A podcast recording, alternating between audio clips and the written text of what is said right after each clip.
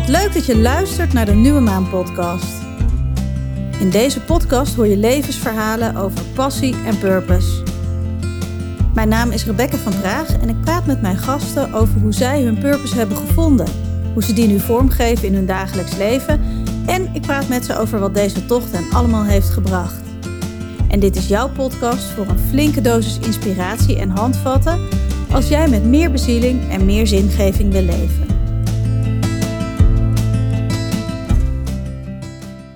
Nou, vandaag spreek ik met Aukje van der Vorstenbos. En Aukje heeft een opleiding voor energetisch waarnemen en bewustzijnsvorming. Zeg ik dat goed?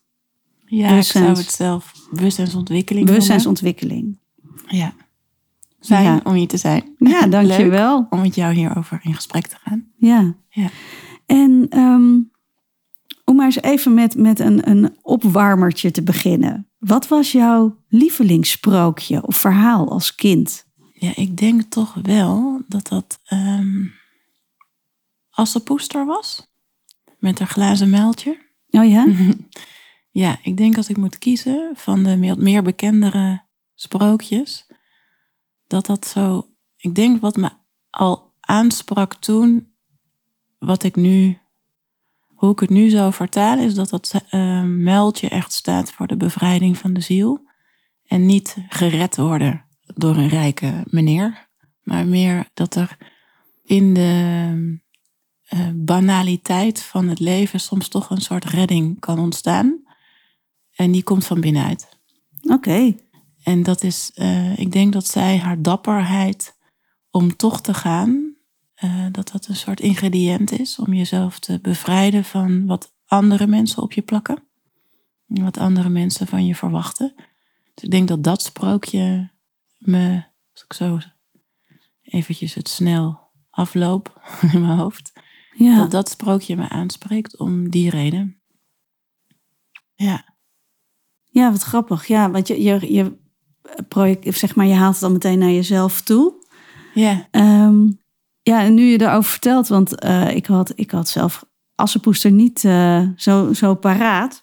Maar denk ik wel dat het ook heel erg bij haar gaat, dat in dat sprookje gaat over echt gezien worden. Hè? Dat Ja. iemand door de Ja. laag van, in haar geval, van de oude kleren heen Ja. kijkt. Ja, en dat ze geholpen wordt. Hè? Dus dat wordt heel onverwacht.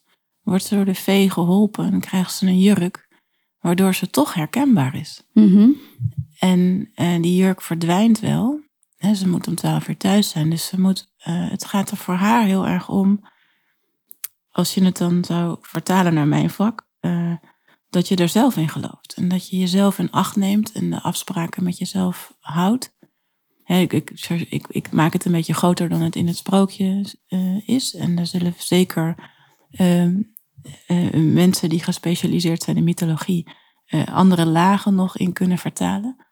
Maar om in dat sprookje te blijven, het, het gaat om het muiltje waar hij haar mee gaat vinden. Dus hij vindt haar om haar zielskwaliteiten, niet om, om wat ze aan heeft of haar uiterlijke vormen. Mhm.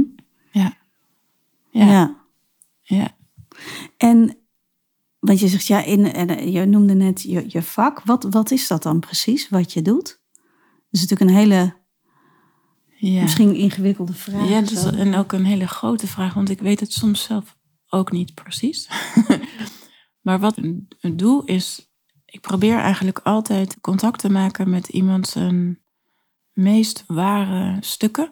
Er wordt wel je essentie genoemd of je, je authentieke zelf, zijn allemaal woorden. Maar je kan het voelen in iemand of iemand eh, vrij is en vrij vanuit die waarheid spreekt, of dat er lagen van onvrijheid nog voorzitten. En die lagen van onvrijheid die moeten ook gekend worden, anders kan je er niet uitstappen. Je kan niet uit iets stappen wat je niet kent. Maar dat is makkelijker als je, als je een soort innerlijke referentie hebt van wat heel erg waar is van binnen. En heel erg puur en oprecht. Alleen dat is ook het meest kwetsbare stuk van een mens. Dus wat ik doe in mijn vak is dat ik daar eh, mensen Ik geef sessies en dan eh, maak ik contact daarmee. Dus dan geef ik iemand een innerlijke referentie terug. Van zo voelt het als ik gezien word. en, eh, en, en mezelf herken. En ik ben misschien nog niet klaar om dat aan de buitenwereld te laten zien, want er zitten lagen voor. Dus dan benoem ik de lagen die nog beschermend werken of waarin je nog graag uh, erkenning wil of validatie van een buitenwereld. En ik geef er les in. En als je er les in geeft, dan leer je mensen eigenlijk die lagen te herkennen in zichzelf en in anderen. Mhm. En dan heb je het bijvoorbeeld over lagen als je geconditioneerde gedrag of je defensiestructuur hè, om jezelf te beschermen, of om je hart te beschermen, of om je uh, te onttrekken aan de wereld, zodat je alleen maar kijkt in visies en toekomstvisies en dan hoef je niet zoveel te voelen. Dus als ik mijn vak zou beschrijven, dan gaat het denk ik om het leren blootleggen van die kern van binnen, zodat die mee kan gaan doen in je dagelijkse realiteit. Mhm. Ja, het gaat er eigenlijk om dat je een soort innerlijke referentie hebt die je hoogste waarheid is, of je hoogste puurheid, of je hoogste oprechtheid.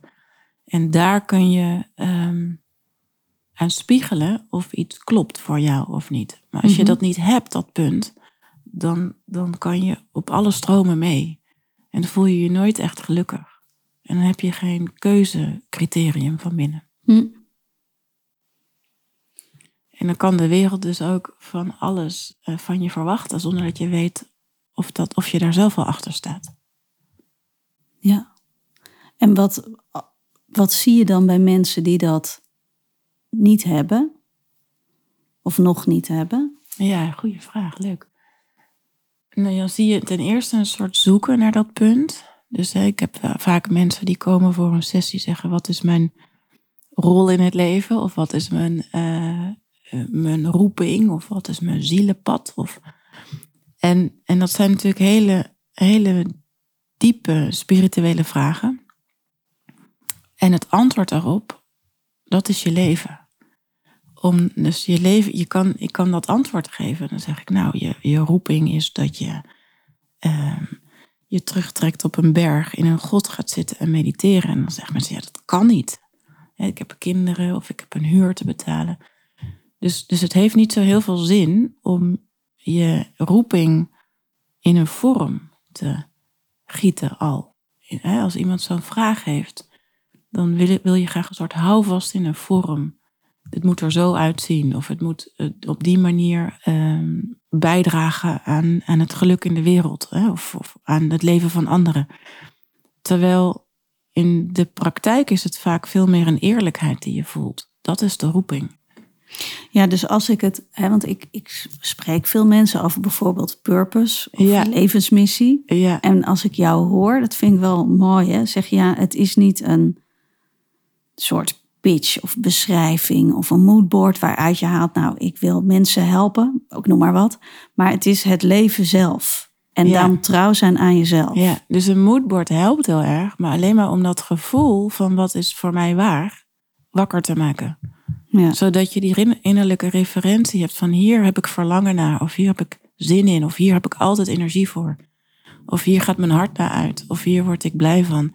Dat zijn de roepingen. En vervolgens heb je nog een, ehm, een, een, appeltje te schillen met je afhankelijkheden. Dat je denkt, ja, maar als, als het niemand erop te wachten, wil ik het dan nog. Hè?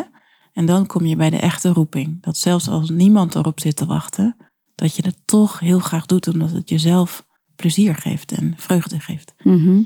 Daar, daar zit. ehm, dus eh, je vroeg net van wat, wat zie je dan bij mensen die dat niet weten? Die zijn eigenlijk ehm, in dat zoeken. Is het heel moeilijk dan om onderscheid te maken? Moet ik deze baan houden of niet? Ben ik hier op mijn plek of niet? En eh, dus dan zie je dat mensen keuzes maken in de hoop dat het goed uitpakt, maar niet vanuit weten dat het klopt. En dat, dat zijn heel veel keuzes maak je in de hoop dat het goed uitpakt. En terwijl als je keuzes maakt in de, in de wetenschap dat het klopt, dan maakt het niet zoveel uit hoe lang dat een goede keuze is. Want dan weet je, nou, op het moment dat het niet meer klopt, maak ik weer een andere keuze.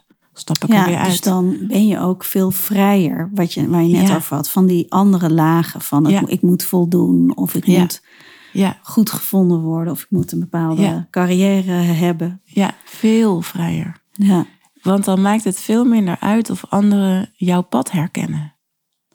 Of dat ze denken, oh ja, dat is echt verstandig wat jij doet. Dat, dat maakt dan niet meer uit. Ja, en, en als je dit vertelt, wat ik in mezelf herken dan, is dat ik dat wel kan voelen, maar dat ik ga twijfelen of het wel klopt. Ja. Dus dan komt mijn mind erbij en die Ja. zegt dan ja, maar Ja.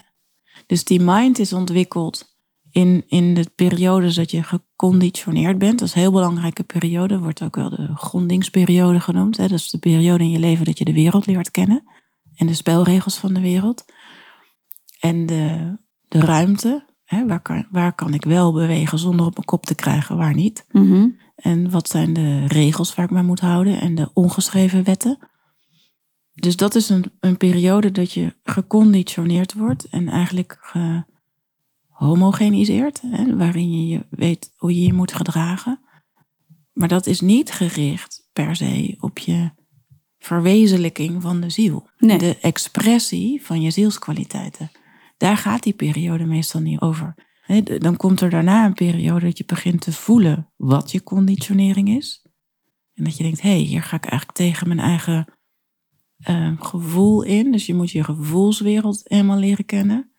En de sturing van je emoties en je intuïtie en je, hè, je verlangens. En dan komt in die periode ontstaat een soort moed en dapperheid en, en impulsiviteit. Waarin je zegt, ja, ook al gaat het mis, ik, ik wil het toch doen. Ik ga het toch proberen. Ik ga die keuze, eh, ook al zegt mijn hoofd is niet verstandig, ik ga het toch doen. Want het klopt niet om het niet te doen. En dan gaat het maar mis. Maar dan heb ik in ieder geval mijn waarheid geëerd met een keuze. En dat is een soort training van je, nou ik zou bijna zeggen van je zenuwstelsel om met je angst om te gaan en spanning en onzekerheid en afwijzing. Dan word je getraind in, ja, als ik mezelf volg, kan het ook zomaar goed gaan. Hè? Mhm. Als ik niet de, de, de aangeleerde verwachtingen volg, maar de mezelf volg, dan kan het ook goed uitpakken. En dan neemt zelfvertrouwen toe en dat je op jezelf kunt vertrouwen, hoe moeilijk het ook wordt. Ja, ja En wat heb je daar, want dit, hè, ik, ik herken het, ik herken het ook in mezelf, maar wat herken jij daarvan in jezelf? Hoe is dat voor jou geweest? ja dat alles. Ja, nou, ik ben, ik denk op de middelbare school kon ik best heel goed nadenken. En, maar ik denk op, ehm, dat ik in die periode als meisje toch ook met heel veel andere dingen bezig was. Ehm, en niet met mijn intellect of minder. En ik weet dat ik ergens in, eh, zo op de, in de vijfde klas bleef ik zitten omdat ik te veel afgeleid was. En daar werd ik zo boos over dat ik, af, dat ik bleef zitten. Ik vond het zo onrechtvaardig. Dat ik dacht, weet je wat, ik ga een soort statement maken naar leraren. Dus dat is heel erg ego gedreven. En heb ik heel lang steun aan gehad. Dat ik dacht, als ik onder druk word gezet. Toen ben ik naar een avondschool gegaan en toen heb ik twee extra vakken gedaan. Waar ik allebei met een 9 voor ben geslaagd in mijn eindexamen. Dus ik was ineens, had ik mijn VWO afgerond met meer vakken dan de bedoeling was. En het ging helemaal niet over die vakken of dat ik, daar, dat ik heel knap was. Het ging erover dat ik dus heb geleerd op dat moment dat als ik onder druk word gezet, dat er iets anders in mij vrijkomt wat zegt, wacht maar, weet je, echt iets competitiefs. Van ik ga je niet door jullie laten bepalen wie ik ben. En dat is denk ik het, een begin geweest van, daar heb ik heel veel steun aan gehad aan die ervaring. Is, het is wat, ik ging elke avond of elke week, twee keer per week ging naar Den Bosch met de bus en eh, ging wiskunde doen en natuurkunde en eh, ja, ook niet eens de leukste vakken, maar de, de, de toewijding aan mijn doel op dat moment is een soort basis geweest van, ook als niemand in je gelooft of als je geen hulp krijgt. ehm, ik kreeg natuurlijk wel hulp van mijn ouders en, van, en in Den Bosch zelf, maar op school niet. Maar dat ik daardoor heb geleerd, ja, eh, ehm, je hoeft je niet te laten definiëren door het beeld van anderen. Dat is eigenlijk toen begonnen. En dat kan ik op deze manier nu duiden, toen natuurlijk niet. Later, toen ben ik gaan studeren, toen ben ik op een gegeven moment stage gaan lopen in Zuid-Afrika, in Kaapstad. En ik woonde in een, uh, in een pand, een, een, soort appartementencomplex. En daar uh, zat een, een, internetcafé naast, dus daar ging ik heel vaak uh, s'avonds naartoe. En daar werkte iemand en die gaf consulten over de hele wereld. Um, ene Joe. En Joe was een, een witte man. En hij gaf hij was opgegroeid bij de zwarte jongens die verstoten waren uit de stammen. Dus hij had echt de meest bizarre dingen meegemaakt in zijn leven. Dus in die zin was hij vrij. Hij was gewoon iemand die. Hij was van niemand. Hij had geen. Je kon ook niet op hem rekenen, maar uh, eigenlijk wel. Op een andere manier kon je wel op hem rekenen, alleen niet in de vorm. en, ja, dus hij kwam niet echt zijn afspraken na. Nooit. Maar hij was wel. Ja, Nee, nooit. Maar hij gaf dus consulten over de hele wereld op basis van alles wat hij had geleerd. En hè, dat, dat zien we in onze westerse maatschappij, zien we, komen niet zo heel snel in aanraking met al dat soort gedachtegoed als je er niet naar op zoek gaat. Maar er zijn natuurlijk heel veel um, um, tradities die werken niet met of iets meetbaar is of niet, maar die werken met heeft iets waarde of niet. En wat voor waarde heeft het? Dus hij was astroloog, hij was, ik weet niet wat hij allemaal deed, denk ik ook voodoo. Ik denk dat hij, dat hij alles wist van die hele traditionele Zuid-Afrikaanse, um, of eigenlijk die lokale gemeenschappen. Uh, daar was hij door opgeleid. Dus hij gaf van die sessies en ik zat daar heel vaak naast. En toen dacht dat, dat heeft me echt de ogen geopend met hoeveel perspectieven je wel niet kan hebben op hetzelfde. Je kan met zoveel brillen naar hetzelfde kijken. En dat heeft echt toen iets wakker gemaakt in mij dat ik dacht, wow, dat, dat moet ik ook leren. Dus toen kwam ik terug in Nederland en toen was ik zo richting mijn afstuderen. Um, en toen ben ik gaan werken. En toen dacht ik al vanaf het begin van ik moet er wel iets naast doen. Wat, wat me eventjes ook in die andere wereld uh, houdt. Hè? Dat ik niet alleen maar in die zakelijke wereld zit. Maar ook ja, want jij in was marketing ja, specialist, toch? Voor, nee, volgens ja, mij. ik deed van alles. Ik, zat, ik begon uit bij Heineken. En daar gingen we een, een soort online werkmethodieken gingen we uitrollen. Dus ik moest de hele wereld overvliegen om uit te leggen hoe je met video uh, bellen moest werken.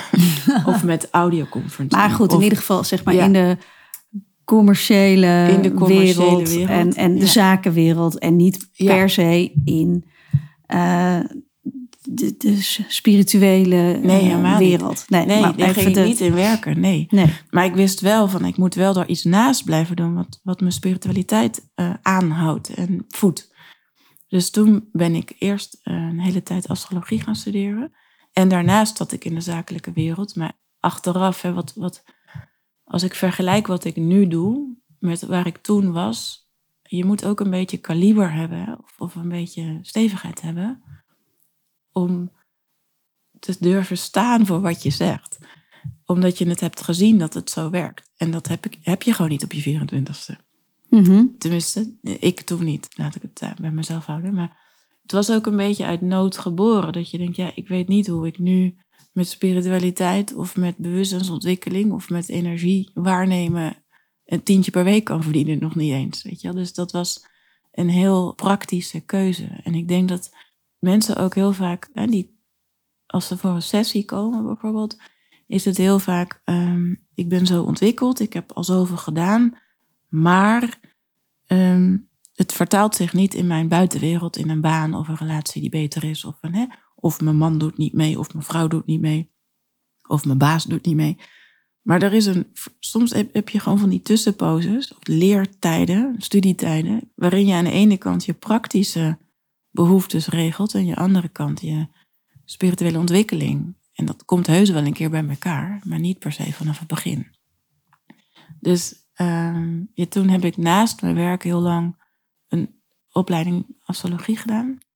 En dat heeft me eigenlijk geleerd om een woordenschat te ontwikkelen voor alles wat je alleen maar aan de binnenkant ervaart dus ja, astrologie kun je ook gebruiken voor mondiale effecten, maar het is meer, het is een taal. Hè. Er wordt heel vaak soort van gezegd, het is niet wetenschappelijk te toetsen.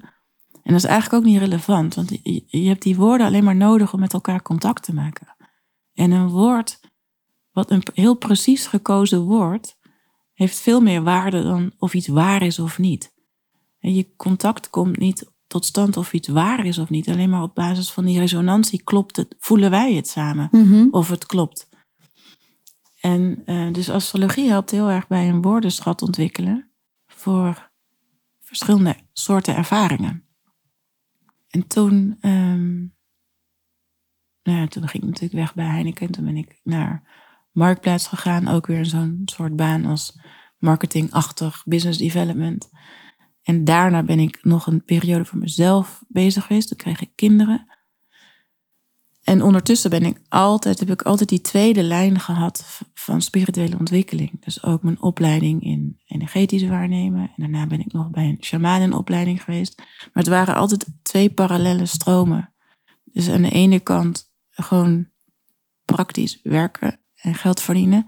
En ik denk dat ik nooit heb gevoeld dat ik daar een carrièrepad, dat dat mijn carrièrepad zou worden. Want ik had altijd al in mijn werk dat ik de gelaagdheid of de multidimensionaliteit van problemen zo, sterk zag, dat ik me niet zo goed kon focussen op alleen maar een klein deel. Dat vond, heb ik altijd moeilijk gevonden. Dat je dingen reduceert en plat maakt om het op te kunnen lossen. Dat voelde nooit als een oplossing. Dus dat, daar liep ik eigenlijk in mijn werk altijd al tegenaan. Dat ik dingen zo klein moest maken en zo plat moest slaan. Ja, dan kan je het wel oplossen. Maar ja, wat is de oplossingswaarde dan nog?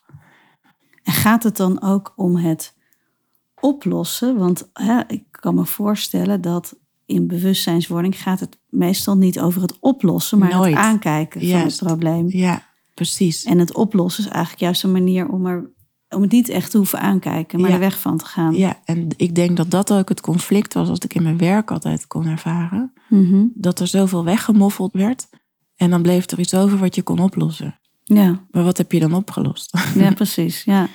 Als er zoveel data wordt genegeerd of, of een probleem zo praktisch en klein wordt gemaakt dat je de meest complexe dingen niet hoeft op te, aan te kijken, dan hou je het in stand. En hè, dat gaat bijvoorbeeld, ik, ge- ik, geef, ik begeleid ook heel veel ondernemers. In heel veel organisaties zitten machtsknooppunten en daardoor zitten er, komt er druk op een systeem te staan. Dan kan je van alles oplossen, maar zolang de machtsknooppunten niet in beweging komen, loopt alles spaak. Maar en wat bedoel je dan met machtsknooppunten? Nou, zijn in elke organisatie zijn mensen die overal nee tegen zeggen. Of mensen die alles onduidelijk willen houden. En dat zijn plekken in een organisatie waar de energie stokt. Dus ofwel door alles af te wijzen of door nergens ja op te zeggen. Niet echt ja. Mhm. en niet echt te kiezen. Daardoor kan een initiatief eigenlijk nooit tot wasdom komen.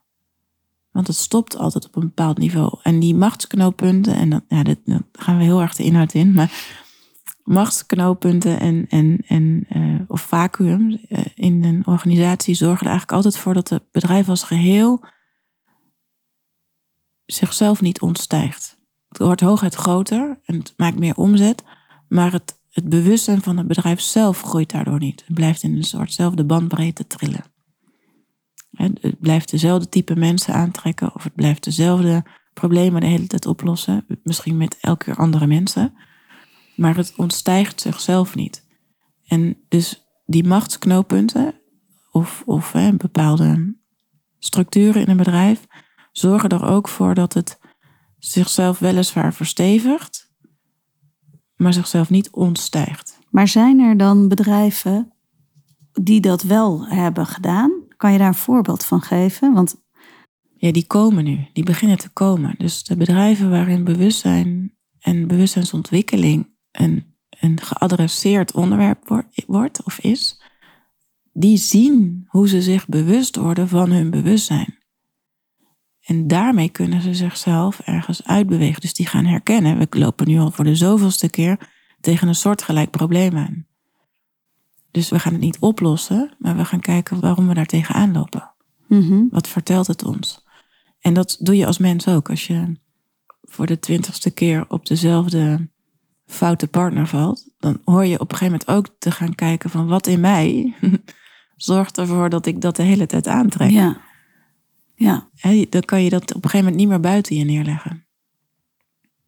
En, En dat is bewustzijnswording of ontwikkeling Ja. wat jou betreft. Dat je Dat daarnaar gaat kijken. Of een, je- deel, in, een onderdeel daarvan. Dat is een onderdeel daarvan. En een ander deel van bewustzijnsontwikkeling, hoe ik het zou definiëren, is de, de ruimte waarbinnen je dingen gelijktijdig kunt waarnemen. Dus eigenlijk wat, we, wat ik net vertelde over dat je met zoveel brillen naar hetzelfde kan kijken, Mhm. dat je heel snel tussen die brillen kan switchen. Dus dat je iets symbolisch kunt zien en praktisch. En over de tijd en in het nu. En dat je de aanleiding kan zien naar de ontstane situatie. En als je daarmee door blijft gaan, dat je ook de toekomst kunt zien. Of dat je kunt zien welke ehm, opvattingen leiden naar het resultaat. Ja. En dat je dat allemaal tegelijk kunt zien, betekent ook dat je het kunt ontstijgen. En dus is heel, eh, hè, iemand met een heel ruim bewustzijn, om maar zo'n voorbeeld te geven, die heeft een energieveld waar weinig weerstand in zit. Dus die wijst bijna niks af, maar die neemt eigenlijk alles tegelijk waar wat er op hem afkomt en navigeert daar doorheen. Dus die hoeft geen ehm, dingen buiten te sluiten. Om. ehm, Het klinkt ook wel een beetje ergens als ongrijpbaar. En nou ja, in ieder geval die- niet manipuleerbaar en niet Nee. chantabel. Hè, heel veel mensen zijn chantabel. Of manipuleerbaar of onder druk te zetten. Door, hè, als je, ik weet nog dat iemand ooit tegen me zei, ja, maar als je nu gaat solliciteren, het is echt een hele slechte markt. En dat ik dacht, ja, maar ik heb ook maar één baan nodig. Ik heb niks met de markt. Dus dat zijn van die dingen waar je je door bang kunt laten maken. En dat je dan denkt, ook moet met alles genoegen nemen. Of je gaat terug naar binnen en je denkt, ja, maar wat klopt voor mij? Ja, precies. Ja. En zo, hè, dus ergens als je nooit. En dat bedoel je met dat je, niet, dat je met een hoger bewustzijn minder weerstand hebt. Dat je dan eh, bijvoorbeeld met zo'n opmerking van zou je dat wel doen? Dat je dat eigenlijk van je af kan laten glijden. In plaats van dat je daar nog vier nachten in bed over na ligt te denken van... oh ja, Ja. want Ja. Piet, Kees of Klaas zijn nog... Zou je, kan wel beter, doen? je kan dan beter horen vanuit welk bewustzijn iemand iets tegen je zegt. Ja, misschien dat je dan hoort van ja, maar het is oh jouw eigen onzekerheid. Precies, het is jouw angst. Of het is jouw angst voor tekort of niet geaccepteerd worden of niet gevalideerd worden door de. Dus een van de uitgangspunten in mijn werk, en ik denk bij iedereen die met bewustzijnsontwikkeling bezig is of met spirituele lessen, is dat je eh, het voor jezelf altijd het beste weet. Zelfs als je het niet het beste weet. En zelfs als je daarin fouten maakt, dan moet je die toch maken om erachter te komen wat wel het beste was. Of de betere keuze. En daar kom je pas achter door- nadat je de, het verkeerd hebt gedaan. Ja, en het is ook altijd, want dat zie ik zelf ook zo, een, in, vanuit ook wel denk ik onze westerse bril, altijd een goed of fout. Ja, Terwijl het is een ervaring. Ja. En je labelt er... ja. eh, Prettig of onprettig. Ja. Ja, of ja, nou tenminste, ik zie dat mensen hè, die dan twijfelen, ja, moet ik gaan of moet ik blijven in een baan? En dan bang zijn voor de foute keus. Terwijl Ja. eigenlijk maakt het niet Ja. uit. Want je kan dus denken, op het moment dat je wel blijft ja, en het voelt niet meer goed, dat je dan alsnog gaat. ja. Maar dat, dat zien mensen dan als een foute keus, want dan had ik dat eerder moeten weten of zo. Ja, had ik moeten voorkomen. Ja, Ja. Nou ja, en vanuit de ziel, kijk, de ziel, ik, hoe ik hem meestal omschrijf, is het je geweten. En dat geweten ontstaat omdat je ervaringen eerder hebt gehad. En dat, hè, dat, dan, dan in mijn vakgebied zou je dat vorige levens kunnen noemen. En dat is de vraag of dat bestaat. Hè. Kun je lang en kort over praten. Maar die ziel die is een soort database van hetgeen je reeds weet, omdat je het ervaren hebt. En dan hoef je niet nog een keer dezelfde fout te maken. Maar totdat je het doorgrond hebt hoe iets werkt, maak je wel dezelfde fout. Totdat je alles ervan begrepen Ja. hebt. En dus dat moet. Je, je kan je moet eigenlijk door al die brillen hebben gekeken. ja, naar hetzelfde Ja. om te snappen, het verandert niet. Dit is het. Ik kan heel, als je, op, als je nou, om maar wat te noemen, in een relatie zit die gewelddadig is, dan, je hoort als je naar dat soort mensen luistert, hoor je dat ze dezelfde pijn hebben of dezelfde. Er zit eenzelfde soort leerproces in. Natuurlijk, ieders ervaring is anders, maar er zitten eh, herkenbare punten van leren in. En op een gegeven moment komen ze tot de conclusie: het verandert niet. Het verandert niet. Dus ik moet weg. Maar dat duurt vaak een hele tijd. En als buitenstaander kan je dan honderd keer zeggen: hè, vertrek of kies voor jezelf. Of, uh, maar dat heeft geen zin. Dus iemand moet toch door die. Gaat toch door, en dan kan je beter steun bieden. Hè? Maar iemand, je kan iemand zijn lessen eigenlijk nooit ontnemen. Hè? Of Mhm. voorkomen dat hij dus een lessen. En dat zie je bij kinderen ook. Als je kinderen opvoedt. Je ziet toch dat ze het meest leren van een keer vallen. Dan van honderd keer zeggen pas op. Ja, en je kan wel uitleggen hoe je moet fietsen. Ja. Maar ze moeten zelf op die Leren, fiets en ja. trappen Ja. En vallen. Ja, en, en dan vallen. erop staan. Ja. Ja, dus het, vanuit de ziel gezien is elke ervaring de moeite waard. Ook de hele moeilijke. Misschien wel juist de hele moeilijke. En daardoor ontstaat wijsheid. En daardoor ontstaat compassie voor anderen. Ja, en dat is natuurlijk ontzettend moeilijk als, je, als dat pijnlijk is. Ja, Ehm, ja, ik heb bijvoorbeeld mijn twee beste vriendinnen verloren. Ja, ik had het liever niet gehad. nee. Terwijl ik ook daarin kan voelen hoeveel liefde ik bijvoorbeeld voel voor hun. En hoe Ja. bijzonder het was om dichtbij te mogen zijn bij iemand die heel ziek is. ja, Maar ja, dat is, dat, dat is ook zeker in. Ja, het, het- ik vind het ook heel moeilijk om een soort van schoonheid te zien in zoveel ellende. ja, En, en dit is een voorbeeld, maar je, ik bedoel, kijk, Talloze. lees de krant. ja. Ja, wat, welke schoonheid je- zit er in het kappen van het Azo- Amazonewoud bijvoorbeeld? Dus dat, ik vind het ook Ja, een dit is moeilijke. heel link gebied. Want Ja, hè, je, je, door het ongemak wat daarbij zit, zijn mensen soms geneigd om te zeggen, er zat vast een bedoeling achter. Hè? Of ja, maar kijk eens wat het je heeft opgeleverd. Dat is heel pijnlijk om dat te zeggen. Dat is niet aan. Hè, de, de enige die dat eigenlijk kan zeggen, is degene die de ervaring heeft gehad. ja, Die, die mag zeggen, ja, het heeft me ook wat gebracht. ja, En als buitenstaander mag je nooit zeggen: kijk eens wat het je heeft opgeleverd. Want dan doe je iemand echt tekort. In welk leed die heeft moeten doorstaan om tot die inzichten te kunnen komen. ja, Maar daardoor heb je nu wel compassie. En door dingen mee te maken, krijg je compassie voor degene die dat ook meemaken.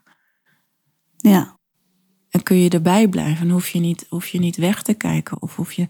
Dus we begonnen in ons voorgesprek, wat we niet opgenomen hebben, ook over. Zou iedereen een doorbraak hebben die op een gegeven moment zijn eigen pad eh, volgt? Hè? Heeft iedereen een doorbraakmoment? En ik denk van wel, maar je kan het niet uitleggen aan iemand die er nog tegenop ziet. Je kan niet zeggen het komt helemaal goed. Dat weet je niet. Maar je weet wel dat het moet of zo. Hè? Dat je moet ergens een soort jas uittrekken. Dat het je niet meer zoveel kan schelen wat anderen van je keuzes vinden. Om het lef te hebben en moed te verzamelen om iets toch te doen. Waarvan de uitkomst volstrekt onzeker is. En je wordt niet beloond voor je dapperheid. Hè? Dat hoop je maar. Maar dat weet je niet. En dat is ook zoiets dat je, als je het over loopbanen hebt bijvoorbeeld. En mensen die op hun plek staan en, en tot hun recht komen en tot volle wasdom komen, die worden herkend door degene die dat ook hebben gedaan. Die weten wat het kost van binnen om dat te doen. En degene die daar voor staan, daar- krijg je allerlei andere gevoelens, hè, van jaloezie tot afgunst, tot hoop dat je en ambitie en aspiratie. Maar dat is, dat is, ehm, dat is eigenlijk vaak voor de doorbraak. Hm. ja, dus waar waren we ook weer? Nou, het ging over die Ja, doorbraak. maar dat, ja. dat is wel mooi om. Want je, je was ook zelf aan het vertellen over jouw eigen levenspad daarin. Ja, En eh, daarin zijn we ook nog niet bij de doorbraak volgens Nee. mij. Want je vertelde Nee. dat je moeder werd en eh, toen zelfstandig ja, business consultant was. Of ja, business, Ja. eh, wat zei Ja. Business met developer. ja. En dat is toch iets heel anders dan wat je nu doet. Dus Ja, nou hoe dat eigenlijk ging was dat ik eh, op het punt stond om uit elkaar te gaan met mijn man. En dat wilde ik heel graag goed doen en, en, en hij ook. En, eh, dus dat moest ergens een soort bodem hebben van waar, hè, dat we niet. Het was eigenlijk altijd mijn wens om dat het voor iedereen een stap vooruit was en niet eh, een verlies alleen maar. Dus toen uh, dacht ik, ik moet in dienst, want anders kan ik niet een huis kopen, huren of wat dan ook. En eigenlijk op het moment dat we allebei op hetzelfde, op dezelfde bladzijde waren, dat allebei voelden van ja, het is nu tijd om naar een volgende stap te gaan en uit elkaar te gaan, toen kwam er een, in mijn inbox een uitnodiging voor een gesprek bij een, uh, een, uh, een groot bedrijf. En ik, ik wist eigenlijk op dat moment, ik word dit. Ik had helemaal niet de juiste cv of ik had helemaal niet de juiste papieren, maar ik wist het gewoon. En dus ik ging die gesprekken een beetje fluitend door.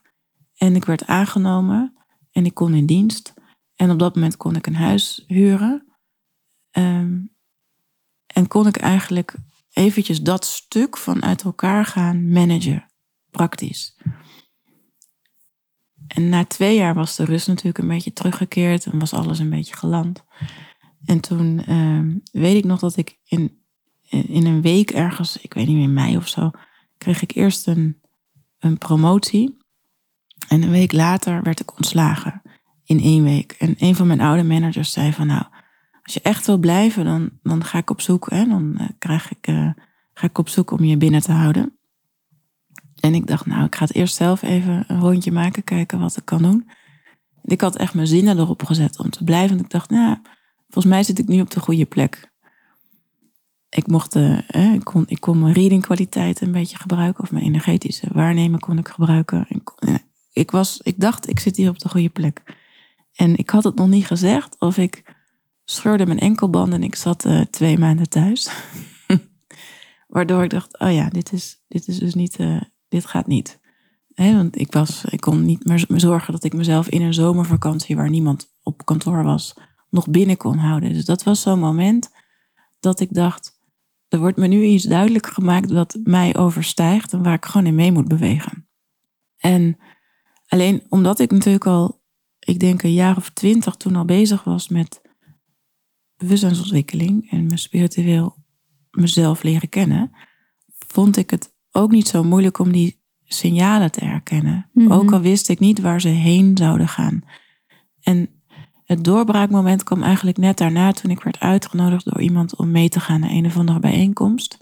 Er zaten 900 mensen in een zaal, twee dagen, en ik vond het zo slecht dat ik dacht: ja, maar als deze mensen een zaal vol krijgen, dan kan ik nu ook les gaan geven.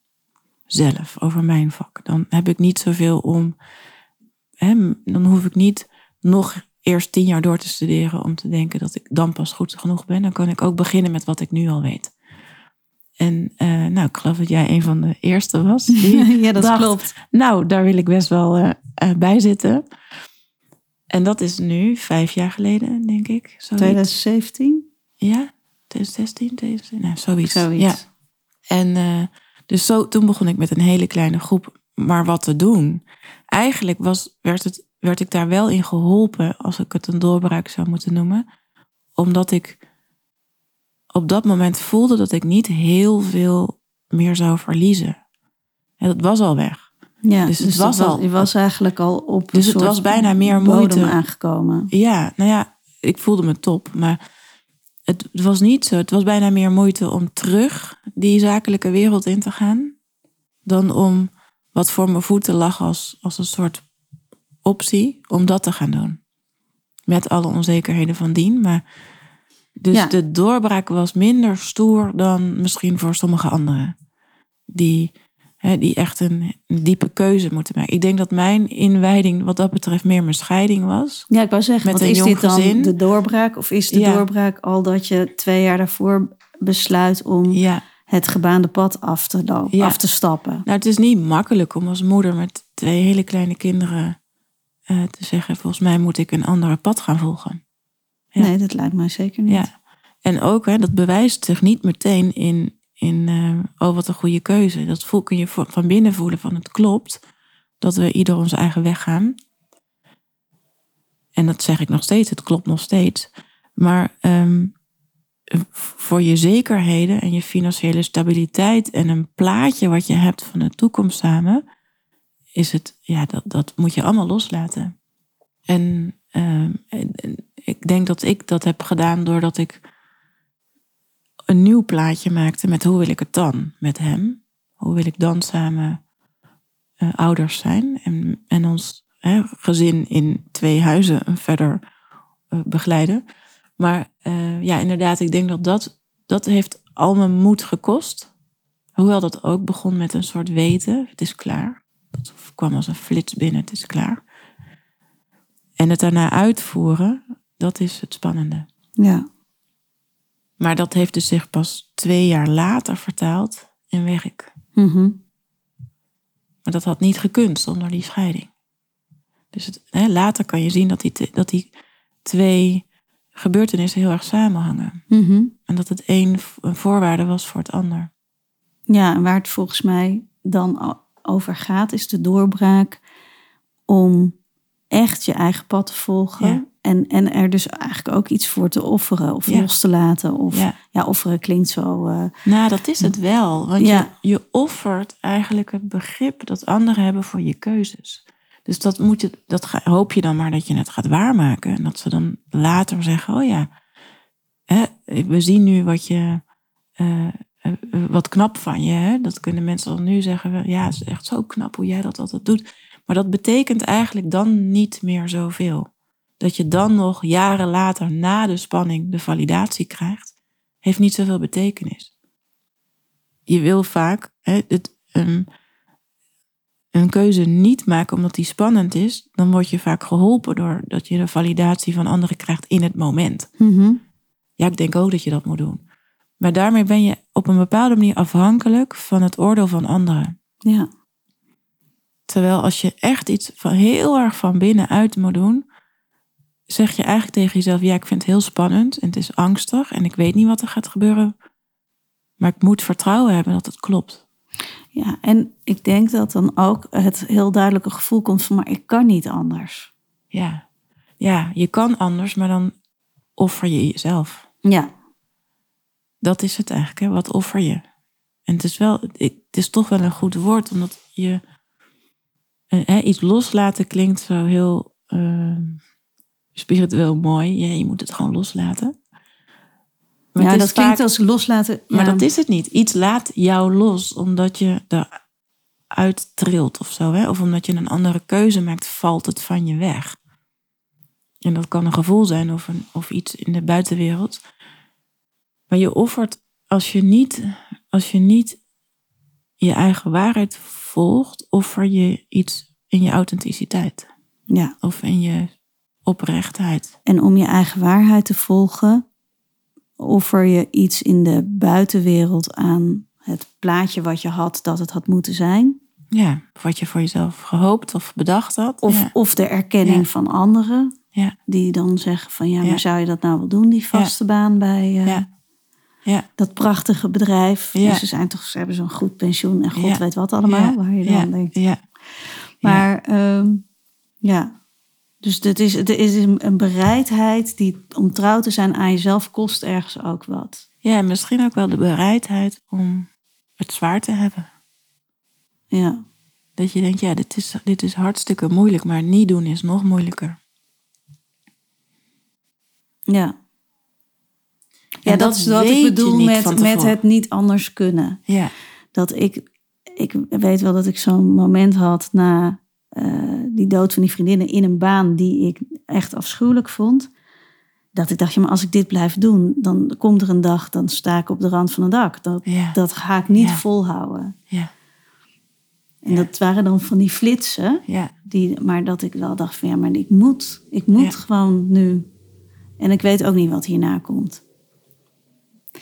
Dus dat, dat herken ik wel. eh, En soms denk je, ik heb het zo zwaar op dit vlak, dan kan ik er niet bij hebben. Dat kan ik ook. mijn baan nu ga opzeggen en nog een moeilijk vlak introduceren in mijn leven, waar ik dan ook nog mijn aandacht. Dat gaat soms niet. Hè? Soms moet je dus gewoon praktisch zijn en denken, ja, ik ga nu scheiden, ik ga in dienst. dat, dat is misschien niet mijn droombaan, maar ik heb het nu even nodig om een ander, op een ander stuk te groeien. Maar je kan nooit op alle onderdelen in je leven tegelijk groeien. Nee, dat geloof ik ook. En het kan ook niet. ehm, en zelfs al heb je, hè, want in, in jouw geval eh, had je keuzes gemaakt die je wilde maken, ook al was het moeilijk. En was je op een gegeven moment, ja, die eh, hoe noem je dat, opleider. En zelfs dan, dat betekent ook niet dat je elke dag soort verlicht door het leven fietst en dat het niet meer moeilijk is. Of dat er dingen niet meer lastig zijn. Nee. nee. Ja. Nee, en sterker nog, ik denk dat ik. Ik heb, eh, ik heb sessies met mensen uit alle hoeken van de samenleving. En van alle bewustzijnsniveaus. Dus dat maakt mijn werk waanzinnig boeiend. En ik durf wel te zeggen dat ik mensen van binnen eigenlijk nog mooier vind dan van buiten vaak. En boeiender. Maar je ziet, ik heb nog nooit iemand ontmoet die. ehm, nou, anders gezegd, ik heb wel eens mensen ontmoet die zo opgeschoond leken dat het zo saai was dat je denkt, ja, je voelt eigenlijk niks meer. Dan komt er, elke emotie beweegt er niks meer in jou, omdat er geen substantie bijna meer in je energieveld zit of geen contouren. En dus iemand die zich op heel veel bewustzijnsniveaus heeft ontwikkeld, heeft weliswaar een helder veld. Maar heeft wel contouren. Dus die heeft wel, moet ik zeggen? Ehm, hè, wat jij vertelt, ik ben een vriendin verloren of twee vriendinnen verloren. Daardoor heb ik begrip voor wat, waar iemand doorheen gaat die hetzelfde meemaakt. En daar kan ik me mee verbinden. En ik kan die gevoelens herkennen. Dat is iets anders dan dat je ehm, daar geen last van hebt. Hè, dat je denkt, Ja, nee, dan ben ik ontgroeid, daar heb ik geen last meer van. Ja, nee, mensen verliezen gewoon mensen. Hè, de dood hoort erbij. Dat is een heel andere benadering dan dat je kan voelen, ik weet waar iemand nu doorheen gaat. Ja, en dat is waarom ik net eerder in het gesprek zei van ja, dat maakt iemand ook ongrijpbaar. Alsof Ja. je niet meer echt meedoet in het Ja. gewone leven. Alsof je elke menselijke gevoelens van, ook van jaloezie of Ja. eh, wrok of eh, boosheid, agressie, alsof dat allemaal, hè, dat je dat allemaal niet meer, daar heb je dan geen last van. Dus het wordt ook een beetje eh, arrogant lijkt het wel. Ja, en eigenlijk is dat ook weer een fase in het hele bewustzijnsontwikkelen. Omdat je daarna gaat, komt, er, komt eigenlijk weer een gebied dat je het weer opnieuw, of een deel, dat je het weer opnieuw gaat invullen met, als het goed is, in een helder veld zit wel contour. Dus zie je wel de ervaringen die iemand begrijpt en kan voelen.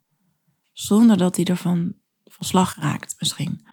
Of zonder dat hij zich daarmee identificeert. Of zonder dat hij er een drama van maakt. Of Mhm. een groot theater.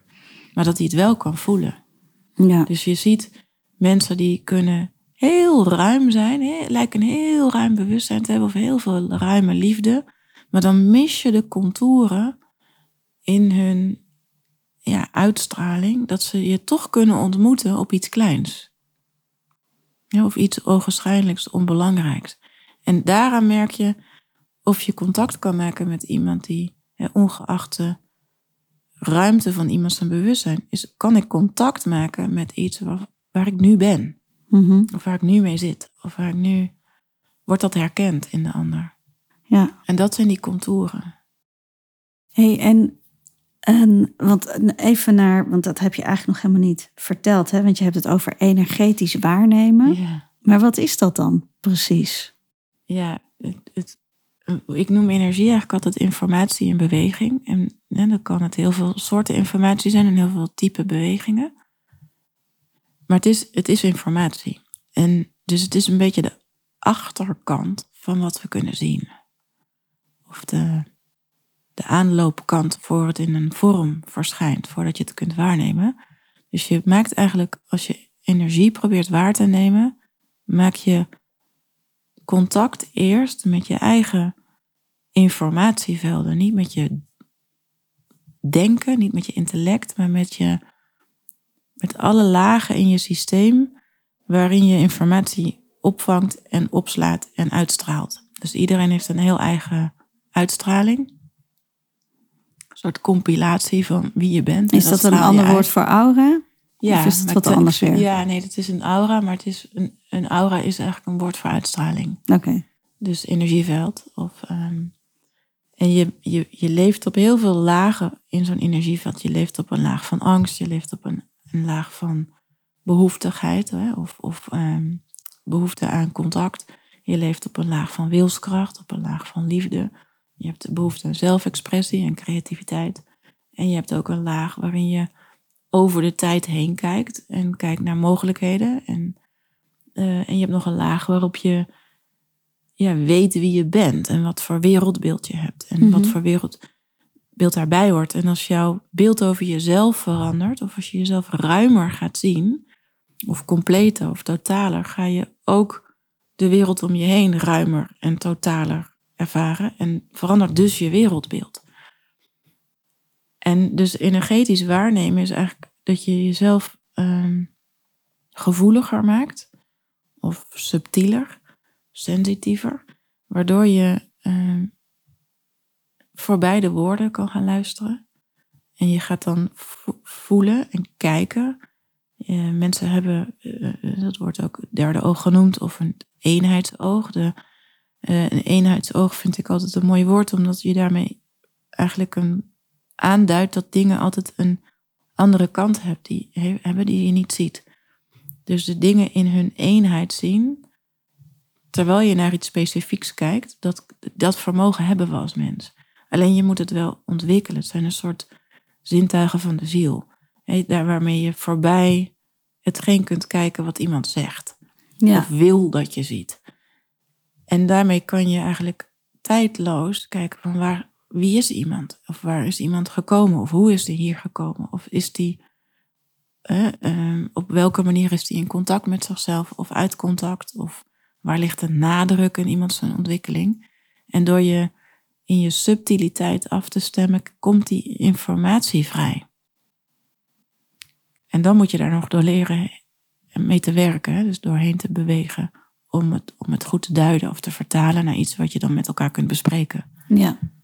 En, en is dat iets wat je. Want je, je vertelde ook dat je daar opleiding in hebt gedaan. Maar is dat dan ook iets wat je bijvoorbeeld als kind al ja. dingen nou, wist of zag waarvan je toen ook al misschien dacht, nou dat is ook gek? Nou, ik had als kind wel altijd dat ik um, op mijn moeder reageerde met iets. En dat ze dan altijd zei, dat zei ik niet. En dat ik dacht, ja dat zei je wel, alleen misschien niet in je woorden, maar in je hele houding en in je hele postuur zei je het wel. En, en dus dan kreeg ik altijd op mijn kop dat, dat ik dus reageerde op haar met dat ze zei, dat zei ik helemaal niet. Nee, je reageerde niet op de inhoud van haar woorden. ik reageerde niet op haar woorden. Ik, reage, ik geloofde nooit de woorden. Ik, ik reageerde altijd op de rest van de communicatie. Mhm. En dat had ik, daar heb ik heel lang last van gehad natuurlijk. En anderen ook, met mij, door mij. Um, en toen ik um, wat ouder was, toen las ik wel eens van die astrologieboekjes, maar ik vond dat altijd een beetje, hè, dan kan je dat nog niet plaatsen of zo. Wat staat daar nou eigenlijk? Want mijn mensenkennis was nog helemaal niet groot genoeg om te snappen wat er in die boekjes stond. Dus dat bleef heel mentaal. Maar toen ik op een gegeven moment bij mijn, ja, ik denk, mijn belangrijkste leraar in de leer ging, dat was Margriet van Bentum. Toen dacht ik wel bij les 1, en ik kwam heel per ongeluk bij haar terecht en heel impulsief. Maar toen zat ik daar bij de eerste les en toen dacht ik, oh ja, maar dit kan ik. Dit doe ik eigenlijk mijn hele leven. Ja, dus je herkende dus het ineens. Ik herkende wat ik deed en wat me vooral heel blij maakte, was dat er dus blijkbaar mensen boeken over hadden geschreven en daar les in konden geven en mhm. daar verstand van hadden. Dus dat, er ging letterlijk een wereld open. Want er was blijkbaar een hele wereld al rondom iets waarvan ik dacht, ik ik weet niet, ik denk niet dat ik het heel bewust dacht, ik kan iets wat anderen niet doen of niet herkennen. Dat was het niet. Het was, meer, het was een soort herkenning van, jeetje, ik kom op een plek waar mensen niks anders doen dan voelen of hun sensitiviteit ontwikkelen. En, en zo kwam ik er ook achter dat er binnen het energetisch waarnemen verschillende informatiekanalen zijn. Hè? Iedereen heeft een eigen voorkeurskanaal. En dat kan voelen zijn, of weten, of helder horen, of helderder zien. Dus door de structuren heen kunnen kijken. En het is iets heel anders dan voorspellen. Het is gewoon dat je completer kunt kijken. Mhm. of completer kunt weten. En bij mij is het helder weten. Dus bij mij als ik ga uh, afstemmen op iemand, dan valt eigenlijk eerst de informatie binnen. Die wordt daarna pas uitgepakt naar een beeld. Ja. Dus ik praat bijna mijn ik praat bijna. Ik weet het al voordat ik het uitspreek. Mhm. En in het uitspreken ben ik soms zelf nog verbaasd van, oh ja, dat wist ik al, dat zag ik al. Dus het uitspreken duurt langer dan het te weten komen. En Ja. Dus dat, Je moet er dan nog woorden aan Ja. kunnen geven. ja, dus intuïtie komt via heel veel kanalen binnen. Ja, ja, want dat, toen je net dat aan het vertellen was, dacht ik, oh ja, want dat is wel wat ik bij jou heb geleerd, is meer mijn intuïtie kunnen bereiken. Dus dat het makkelijker is om mijn intuïtie te voelen en daar Ja. dus ook gewoon meer op te vertrouwen Ja. dat dat klopt. Ja. ja, en hoe meer je dat onder woorden kan brengen, hoe betrouwbaarder het wordt. Of hoe meer waar ja, het hoe meer wordt. je het vertrouwt. Ja, ook, Ja. ja. En hoe, ja. Ja. Ja, en het is niet dat ik nu het soort eh, visioenen heb, maar wel dat ik me comfortabeler voel bij als ik dingen voel dat ik denk, nou, als ik Ja. dat nou gewoon volg, Ja. dan zal het wel kloppen. Ja. In plaats van En wat ik net intuïtie- zei. Heeft zo de neiging dat het nooit op, dat het, het loopt wel een beetje op de zaken vooruit. Maar het is eigenlijk vaak bedoeld als de eerstvolgende stap. ja, Of de eerstvolgende keuze begeleiden. Of de eerstvolgende inzicht. Maar het, het, heeft, het, het vertelt je meestal niet een serie stappen. Hè? Ja, wel als je wat getrainder wordt kun je dat er wel uit opmaken. Maar het is meestal begeleiding die heel erg in het moment nodig is. En niet volgend jaar. Mhm. Of als het wel zo is dat het, dat het een intuïtieve ingeving is voor volgend jaar, dan weet je dat je er al in je eerstvolgende stappen de hele tijd op kan voorsorteren. Maar ehm, intuïtie is niet een beloningssysteem. Hè? Als je dit doet, krijg je dat. Dus bijna altijd vraagt het je om risico te nemen. Of in het onbekende te stappen. Of, of iets te doen wat misschien onhandig is. Hè? Van ik moet, ik moet nu niet die route nemen of die route. Dat is meer instinctief. Waarbij je instinct eh, zou kunnen uitleggen als wat je weet omdat je een lijf hebt. En we al hè, duizenden jaren lichamen hebben die leren van de omstandigheden. Dus dat is een soort opgeslagen overlevingskennis die in onze lichamen zit. ja Dat dat zit je- echt in je oerbrein. in je Dat oerbrein. Dat je, weet dat je sommige dingen niet moet eten. hè. Dat, dat kun je te weten komen via je lichaam. Dat is instinctief onderbuik.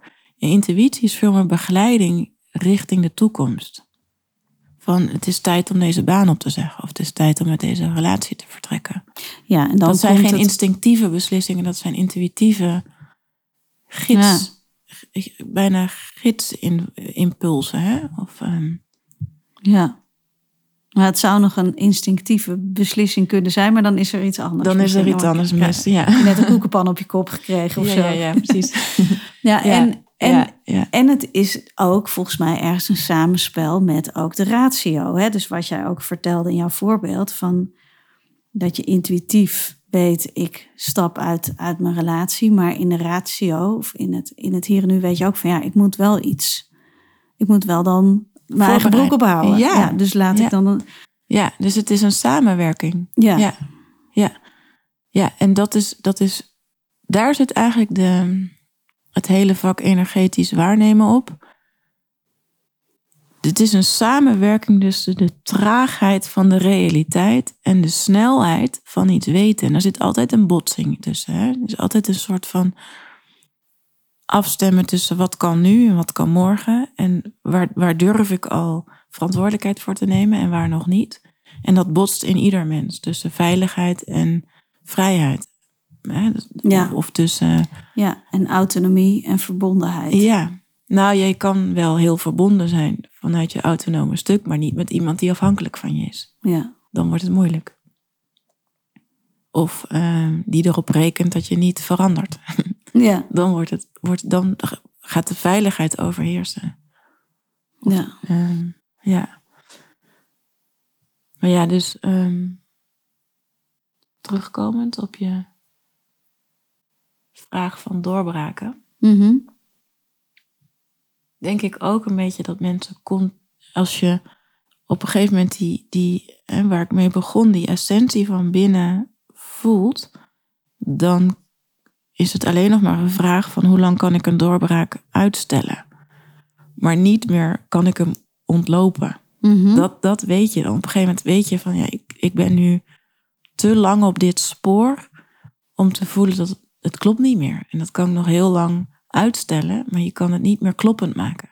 Ja. En dat kan je alleen maar weten als je voelt van binnen, er is iets wat meer waar is van binnen. En dat heeft ieder mens. En dat is de, ehm, ja, de, de, de, hoe de ziel je aantikt, hè? of hoe je, hoe je essentie je aantikt van, kom op, volgende stap. ja, of eh, ja. een wending, ja. Ja, dat. dat eh, ja, en dan, dat tikken kan dan steeds harder worden. Ja, En als je de deur maar dicht houdt, dan op een gegeven moment. word je ziek. Ja. Ja. Of gebeurt er iets waardoor er zo'n wending komt. Ja. Maar er zijn ook genoeg mensen die eh, bijvoorbeeld nu leven en komen leren hoe het voelt om ehm, voor jezelf te kunnen zorgen. Alleen maar dat. En hoe het voelt om je eigen geld te verdienen, om je eigen eh, broek op te houden, om, om daar een vorm van zelfvertrouwen in te ontwikkelen. En dat hoeft helemaal niet ge- gepaard te gaan met nieuwe banen of nieuwe huwelijken of nieuwe huizen. En nee, het hoeft kan- niet als zo'n. Nee, het is niet altijd dramatisch. Je kan heel veel leren in het klein. Ja. Of klein, de- eh, gewoon in de, in de stabiliteit van het, het alledaagse. Dus en er is ook altijd een soort collectief thema waarin een heleboel mensen iets aan het leren zijn. Dus daar, daarbinnen kan je weer je eigen thematieken ontwikkelen ja. of groeien. Maar het is niet altijd groots en meeslepend. Meestal niet eigenlijk. Nee, nou ja, is misschien ook Ja. maar. Zo geruststellen. Ja. Zou ik vermoeiend, groot en Ja. meeslepend, continu. Ja, Hey, en, en je vertelde net ook al in het begin dat je ook dingen bij bedrijven doet. En eh, ja, ik kan me daar natuurlijk van alles bij voorstellen. Maar ik vind het wel opmerkelijk, omdat ik me ook kan voorstellen dat bedrijven het snel abstract vinden. Of eh, of zweverig. zweverig. ja. Ja, dat is ook zo. En dat is ook wat mensen vaak zeggen over anderen. Zullen, ze, zullen ze dat niet eh, zweverig vinden of abstract? En puntje bij paaltje zijn er eigenlijk heel veel mensen die denken... ja, het is toch een extra eh, informatiebron om te leren kijken naar mijn bedrijf of naar onze organisatie. Dus het is een data eh, eh, van gegevens waar, waar je mee kan leren werken. Dus in de praktijk zijn er heel veel mensen die er geen bal van snappen. En dat, dat snap ik, het is mijn vak, niet dat van hun. Maar het, het, waar dit vak heel erg mee, of mijn vak, mee werkt, is herken ik het of herken ik het niet? Eh, resoneert het met wat ik al weet of niet? Of verruimt het mijn blik op de situatie en de context of niet? En zolang het dat doet, zullen mensen zeggen: ja, dat, ik kan er wel wat mee of ik kan er niks mee. En meestal, wat ik nu zie, is dat. ehm, nou, laat ik het hebben over ondernemers met een eigen zaak. Degene die hun eigen transformatie herkennen en daar gemakkelijk mee zijn en denken: oh ja, daar gaan we weer. Weer een groei, weer een angst loslaten, weer een plaatje loslaten. Zijn ook degene die hun bedrijf makkelijk kunnen aanpassen aan nieuwe inzichten of een ruimer bewustzijn of integerdere manieren van werken Hm. of eh, betrouwbaarder zijn of eerlijkere verdelingen in de organisatie. En degene die dat zelf nog niet zo makkelijk doen, zullen veel langer op dezelfde laag proberen nieuwe oplossingen te verzinnen. Ja. Maar ik heb ook wel eens voor een hele grote bank dit soort sessies gedaan. En dan zie je eigenlijk dat ehm, als je helemaal teruggaat naar, dus, dat was een paar, eh, ruim 100 jaar geleden, was die opgericht. En als je helemaal teruggaat naar het begin, het ontstaanspunt van een, van een bedrijf, zit er vaak een soort, ehm, ja, je zou het een soort incarnatiebedoeling kunnen noemen, hè? of een, een, een, potentie waarmee een bedrijf opgericht wordt. Of een, daar zit een idee aan vast. En een, en een beeld. Hè? En, en dan zag je eigenlijk dat zo'n bedrijf kan natuurlijk heel makkelijk in, in de honderden jaren daarna de, het contact verliezen met de oorspronkelijke bedoeling. En dan gaat het bedrijf zweven. En dan wordt het kwetsbaar voor de persoonlijke behoeftes van de mensen die er werken. En de persoonlijke belangen. Terwijl als je zo'n bedrijf terug eigenlijk weer connectie geeft met, waardoor, waarmee is het, met welke bedoeling is het oorspronkelijk opgericht, komt er weer veel meer rust en stabiliteit in een bedrijf, waardoor iedereen zich daar weer op een rustigere manier toe kan verhouden. En het bedrijf als geheel veel meer dezelfde kant op kijkt of dezelfde um, doelen kan uh, nastreven. Mhm. en, en dat is iets wat we. Um, ja, daar hebben we natuurlijk collectief nog nooit naar gekeken. Om op zo'n manier een bedrijf vorm te geven. Hè? Dat je elke keer contact maakt met wat was ook alweer de oorspronkelijke bedoeling. Nee, ik denk eerder andersom. Dat van waar moeten we naartoe en waar moeten we antwoord op geven. En, en wat willen we niet meer zijn? Ja. Want dat is oudbollig. Maar ja, dat, de invulling van de oorspronkelijke bedoeling verandert natuurlijk continu. Maar als je als bedoeling hebt om als bank een stevige pilaar in de maatschappij te zijn, moet je niet ineens een, een, een, hè, je focus gaan leggen op risico's en beleggen en, en uh, opportunisme. Dan moet je terug naar de oorspronkelijke bedoeling, was de stabiliteit in de maatschappij uh, bestendigen. Ja. Of bedrijven die uh, in hun oorspronkelijke bedoeling hebben om of inclusie, zeg maar, uh, vorm te geven in een businessmodel, moeten niet ineens zich volledig focussen op zwakkeren in de samenleving of mensen die alleen maar hulpbehoevend zijn. Of, hè, dat moet een mix zijn ja. dat elkaar draagt. Dus, en als ik je zo hoor, dan, dan gaat het eigenlijk over bij je essentie komen. Ja, of dat altijd. nou van een bedrijf is, of een persoon, Ja. of een maatschappij, of Ja. een groep. Ja, Maar dat het erover gaat van kan je kijken naar wat jij dan ten diepst van binnen ja. En bent. dan weet je ook wat je wil bijdragen. Ja. En waaraan je wil bijdragen. En waaraan je niet wil bijdragen. Mhm. En dan weet je ook wat weliswaar belangrijk is, maar niet voor jou. ja. Ja, maar dat kan niet allemaal. Niet alles kan even belangrijk zijn. Hoe, hoe, hoe mooi bepaalde eh, initiatieven of eh, bepaald gedachtegoed ook is, niet alles is voor jou. Ja. Dus je wil daar ook in kunnen navigeren en iets heel mooi kunnen vinden of heel, heel belangrijk kunnen vinden zonder dat je er per se deel van uit wil maken. Ja. Ja, dus, ehm, dus zo. Ja. Ja. En ik denk dat het, wat, wat mij opvalt door de jaren heen, want- want sessies geef ik eigenlijk al heel lang, veel langer dan, eh, dan dat ik les geef. Maar wat me opvalt is dat het, het, is niet leeftijdsgebonden waar iemand is in zijn, in zijn ontwikkeling. Hè? Dus, dus, en je doet ook lang niet iedereen heeft eenzelfde leertraject in zijn leven. Dus de een doet een onderwerp wat veel spiritueler is of veel maatschappelijker. En een ander doet onderwerpen die veel meer gaan over je eenzaamheid leren waarderen. Hè? Of, van, of, of je, je liefde weer vertrouwen. Of je, je, je creativiteit weer vertrouwen. Of, ik had van de week mevrouw en die was eigenlijk ehm, in haar jeugd had ze heel veel gedanst. En dat, de motivatie daarvoor was eigenlijk door anderen overgenomen. Dus er was zoveel aansporing en support dat ze haar innerlijke motivatie voor haar dans verloren was. En nu op haar, ik weet niet hoe oud ze was, ik denk ergens in de 50, moest, wilde ze eigenlijk haar innerlijke, haar eigen motivatie voor dansen weer terug leren pakken. Dat ze het echt alleen maar voor zichzelf deed Mhm. en voor haar eigen plezier. Dus zo, maar dat is toch een, een soort rode draad die bij haar door haar hele leven liep.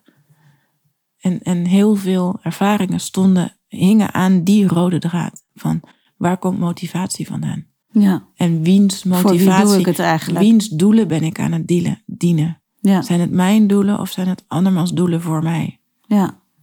Ja, dus dat waar je zei eigenlijk is je purpose, je hele leven, is het ook, is, heeft ieder leven zeg maar een thema of een Ja. rode draad. Waarin Ja. elke keer, en dat is ook waarom mensen, en inclusief ikzelf ook wel eens denken, jeetje, ben ik hier nou nog niet klaar mee? Want Ja. ik heb dit toch al 16 keer Ja.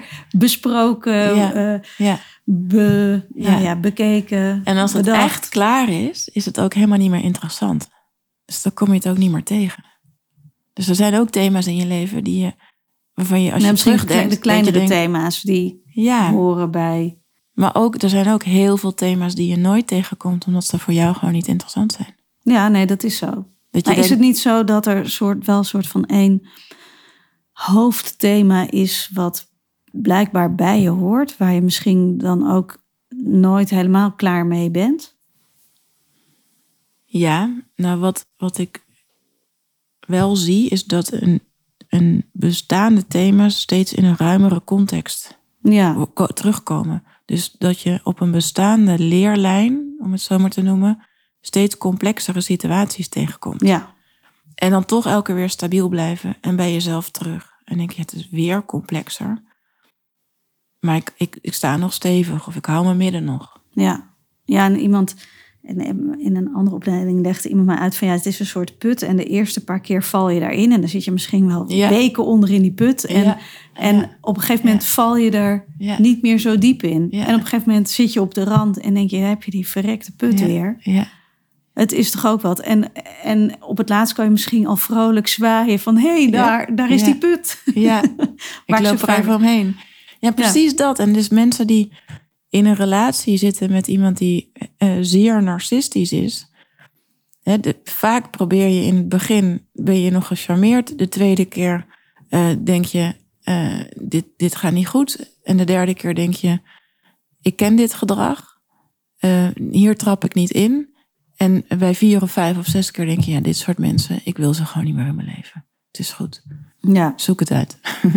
ja en soms mo- moeten er nullen achter die En getallen. soms moeten er nullen achter die Dus getallen. na, na 60 keer of zo. ja. ja. Ja. dus ehm, je leert dus steeds van dezelfde situatie een ander aspect kennen. Ja, En je kan niet alles tegelijk leren. Dus dat is natuurlijk ook wat, de, wat bijvoorbeeld in het shamanisme zo duidelijk naar voren komt, is dat dingen cyclisch zijn. Mhm. En dus in die zin de ziel en jij ook als mens, je bent cumulatief. En dus je, je raakt nooit iets kwijt, maar er komt elke keer iets nieuws bij, waardoor het oude een andere betekenis krijgt of een andere Ja, lading krijgt. ja. Ja. Oh ja, dat vind ik wel een mooie. Ja, Je raakt nooit iets kwijt. nee. Nee. En denk ik wat, wat wel universeel is, dat iedereen die ehm, op een gegeven moment zichzelf wenst te ontwikkelen, vind ik iets anders dan zoeken, maar eh, je, je, je ontkomt niet aan bewustzijnsontwikkeling. Dat is gewoon zo. Maar op een gegeven moment heb je zin om je bewust te worden van je bewustzijnsontwikkeling. En, en dan ga je eigenlijk, gaat iedereen door die fase dat je je conditioneringen moet leren kennen. En je, hè, je, je veiligheid eigenlijk naar binnen trekt. En denk je, ik ben degene die het meest veilig is voor mij. Mhm. En ik kan het ten eerste op mezelf vertrouwen. En daarna op anderen. Ja, In plaats van andersom. Ik kan niet op mezelf vertrouwen, dus ik moet het van anderen hebben. Ja, en dus zolang je chantabel bent en manipuleerbaar, wat we allemaal zijn tot op zekere hoogte. Of hè, iedereen heeft wel een punt waarop die chantabel is. Ja, vanaf dat punt ben je, kan je, niet- ben je onvrij om eigen keuzes te maken. Mhm. Ik denk dat alle moeders chantabel zijn als het Daar over moest ik kinderen net aan denken, ja. ja, Ja, dus chan- ja, ja. ja, chantabel klinkt alsof je geen ruggengraat hebt, maar het betekent dat je daarin niet helemaal vrij bent. Dat zou Nee. betekenen dat, het, Ja. dat je nergens aan gehecht bent. Ja.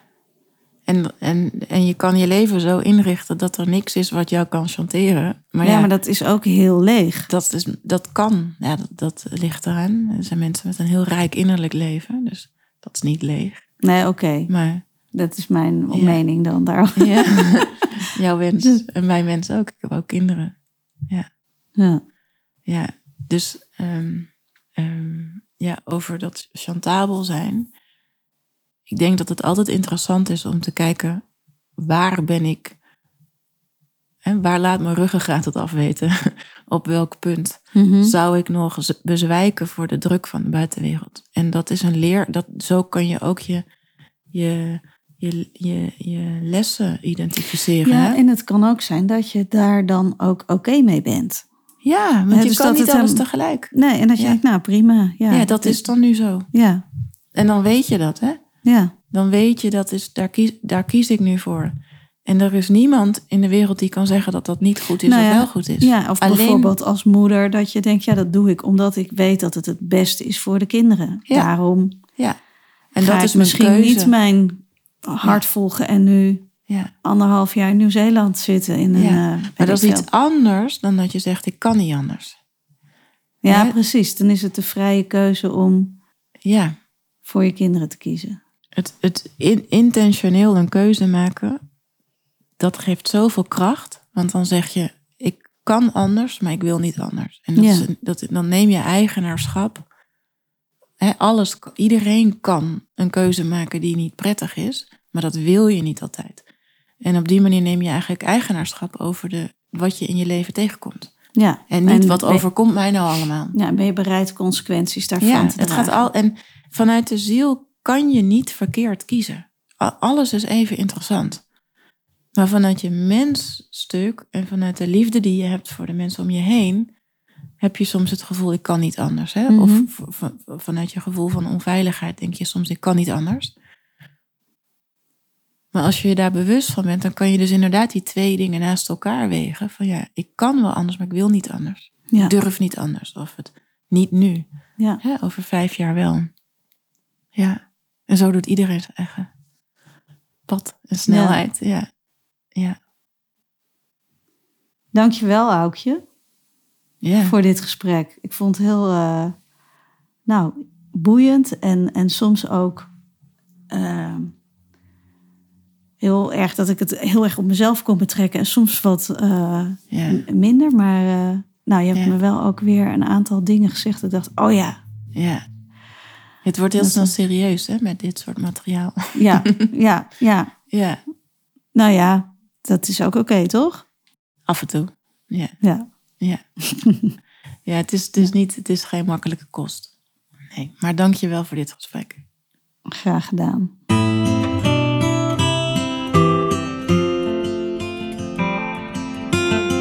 Wat superleuk dat je hebt geluisterd naar de Nieuwe Maan podcast. En ik hoop dat dit gesprek je heeft geïnspireerd om jouw eigen purpose te voelen en te leven. Want wanneer jij je hart volgt, dan ervaar je meer betekenis en geluk. Daar ben ik van overtuigd. En als je zin hebt om wat vaker stil te staan bij wat zich allemaal in jouw hart afspeelt, en wat je daar voelt en beleeft, doe dan mee aan de Free Your Heart meditatie. Die is live iedere maandagochtend om 9 uur.